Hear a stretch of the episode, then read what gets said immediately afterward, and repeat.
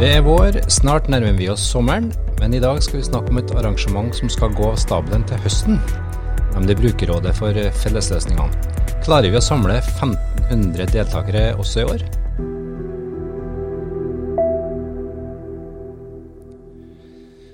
Velkommen til en ny podkastepisode fra Digdir. Jeg heter Are Kvistad og har med meg kollega Nina Olsen Munthe, som er seksjonssjef for marked og tjenesteoppfølging her i Digdir. Fordi vi skal altså snakke om brukerrådet som går av stabelen 28.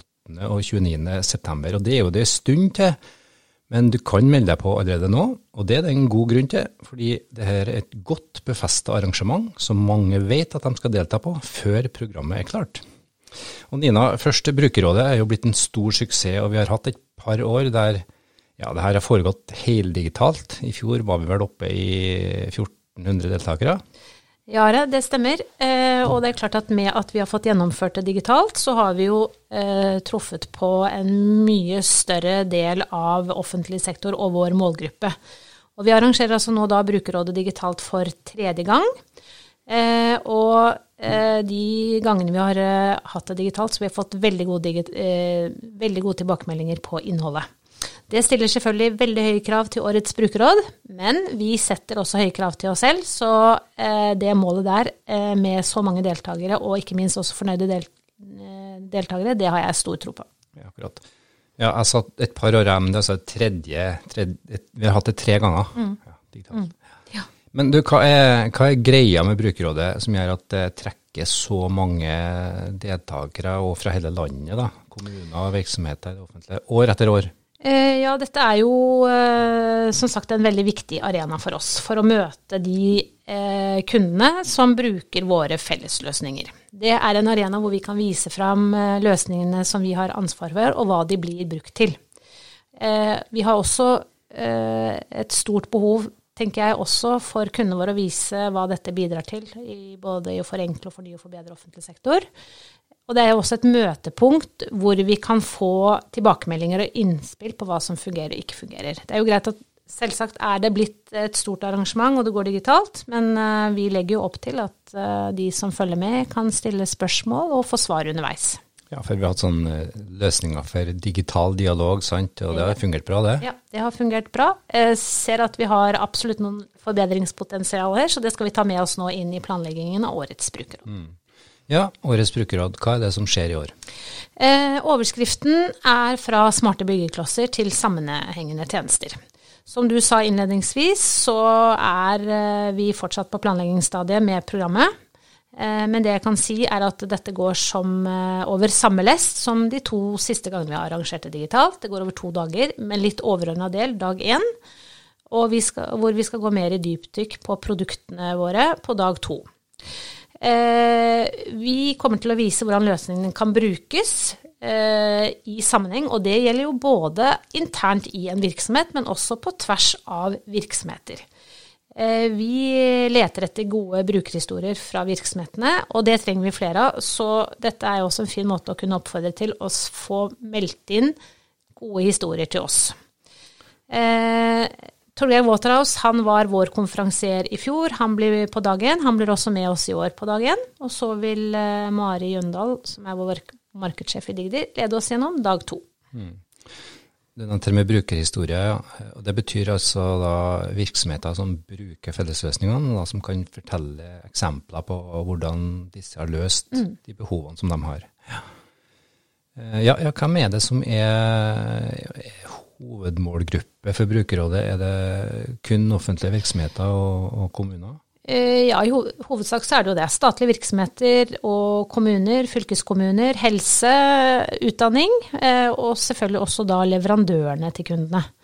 De eh, er også deltakere på brukerrådet. Mm.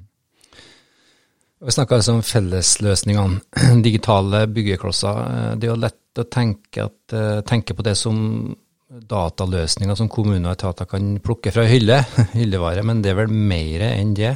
Ja, og, men det er riktig. Det er jo som en slags hyllevare, ikke sant. Vi lager uh, løsninger som vi ser at mange har behov for.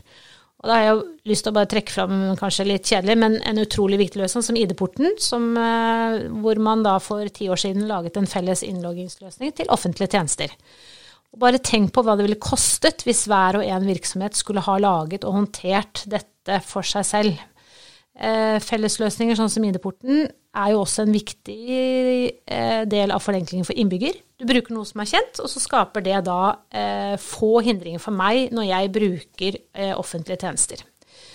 Nå er det over 1500 offentlige eh, virksomheter som bruker ID-porten. Og eh, til og med nå april så er det gjennomført over 120 millioner innlogginger til offentlige tjenester. Det er jo ganske utrolig.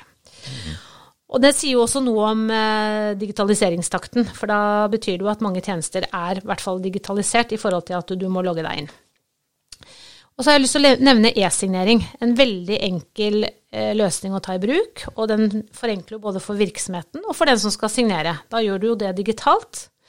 Eh, og i år har, er over 600 000 dokumenter signert digitalt. Det er jo i hovedsak eh, Eh, tilsettingspapirer. Eh, og tenk hvor mange penger man har sparet på det.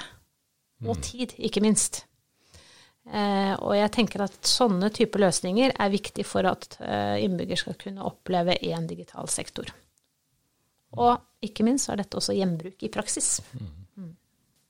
Nå har vi jo mange sånne digitalkonferanser, IT-konferanser gjennom året. Men hva skiller, hva skiller Brukerrådet fra andre typer konferanser? Jeg tenker at vi er ganske konkrete og ned i grøten. Med case og fortellinger om hvordan løsningene faktisk brukes. Og det er jo det vi ser også at uh, deltakerne liker. De etterspør mer og flere uh, brukerhistorier. Og at vi da blander sammen det vi har gjort, planer fremover, og også inviterer virksomheter inn selv til å presentere sine case, det tror jeg er det som gjør at dette blir en suksess. For to viktige stikkord her er vel akkurat brukeren og, brukeren og behov? Jepp, det er det. Og vi ønsker gjerne innspill.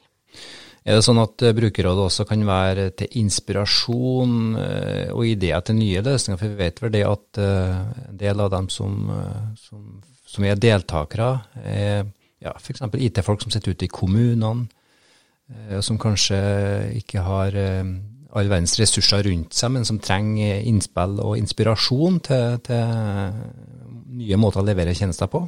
Absolutt. Og vi har jo med oss eh, de flinke folka våre på brukerrådet. Og når det kommer da spørsmål og innspill, så klart det tar de med seg hjem tilbake. Og tenker ut nye, smarte måter å bruke løsningene på. Ja, så oppfordringen er nå at Ja, nå er det å melde seg på. Eh, vi har allerede 250 som har meldt seg på. Eh, så her er det bare å følge strømmen og gå inn på samarbeidsportalen og finne fram til knappen som sier 'meld meg på'. Nettopp. Meld deg på. Bli med på Brukerrådet på en skjerm nær deg, er det ikke det det heter? Det er vel det. Ja, eh, Vi skal gå inn for landing. Eh, men eh, som dere som lytter på sikkert forstår, så er det mer i vente. For når programmet for Brukerrådet er mer banka på plass, så kommer vi tilbake med en ny podkast om det. Så inntil videre, følg med på samarbeidsportalen som du finner på samarbeid.digdir.no. Inntil da, takk for at du var med oss nå, og husk at du finner flere episoder fra Digdir om ulike temaer der du vanligvis laster ned dine podkaster. Vi høres.